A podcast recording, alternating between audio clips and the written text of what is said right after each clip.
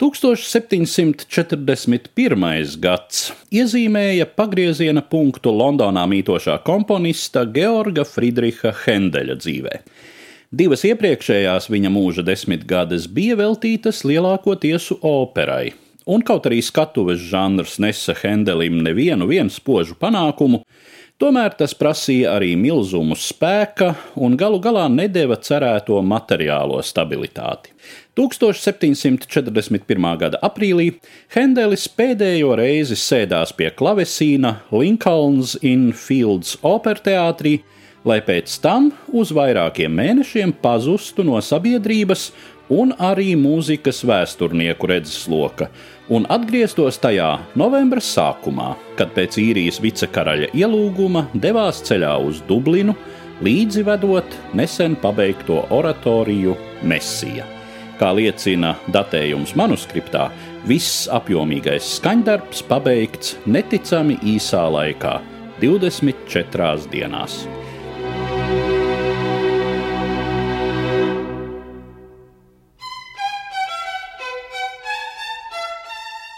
Tiek izteikts pieņēmums, ka noslēgtības mēnešus Hendelis pavadījis sava drauga un ilgadējā oratoriju libretista Čārlza Dženensa mūžā Anglijas vidienē.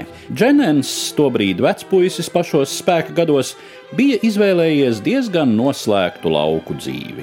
Melanholisks un ekstravagants, kaimiņu ironiski dēvēts par Suleimānu Lielisko, Viņš vadīja savas dienas sirmgalvja tēva un savu daudzo grāmatu sabiedrībā.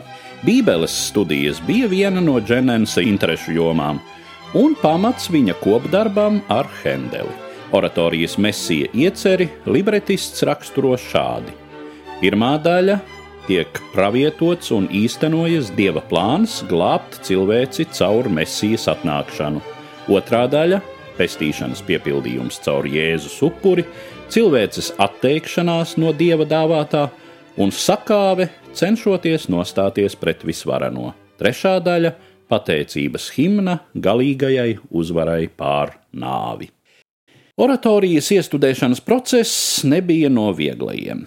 Sevišķi ciets rieksts izrādījās Dublinas Svētā Patrika katedrāles dekāns Jonatans Swifts. Tas pats, kurš literatūras vēsturē pazīstams kā izcils satīriķis un Gulivera ceļojumu autors. Savā garīdznieka amplitūnā tēvs Swifts bija visai dogmātisks, paģērot izmaiņas libretā un pat nosaukuma maiņu. Galu galā pretrunas tomēr izdevās nolīdzināt, un 1742. gada 13. aprīlī Nīla koncertzālē publika varēja baudīt Georga Friedricha Hendeļa oratorijas mesija pirmatskaņojumu ar pašu komponistu pie klavesīna.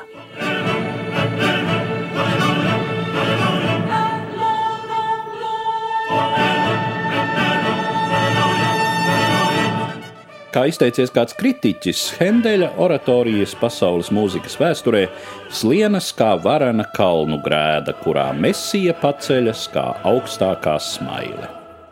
Tā ir arī visbiežāk atskaņotā Hendeļa oratorija, kaut gan apjoma dēļ bieži izpilda tikai pirmo daļu, pievienojot tai atpazītāko oratorijas fragmentu Aleluja no otrās daļas.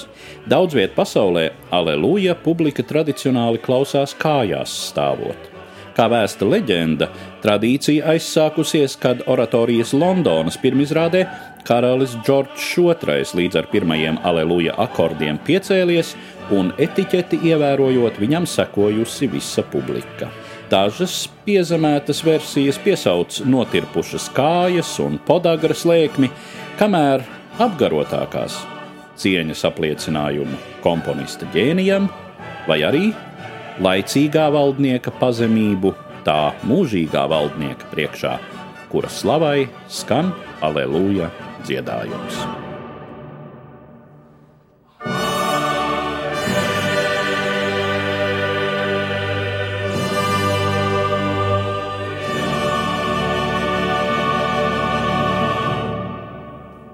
Stāstījumu sagatavoja Eduards Liniņš.